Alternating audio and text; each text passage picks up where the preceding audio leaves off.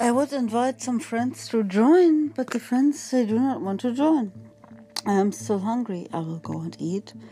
This is not my bedroom, so I will succeed.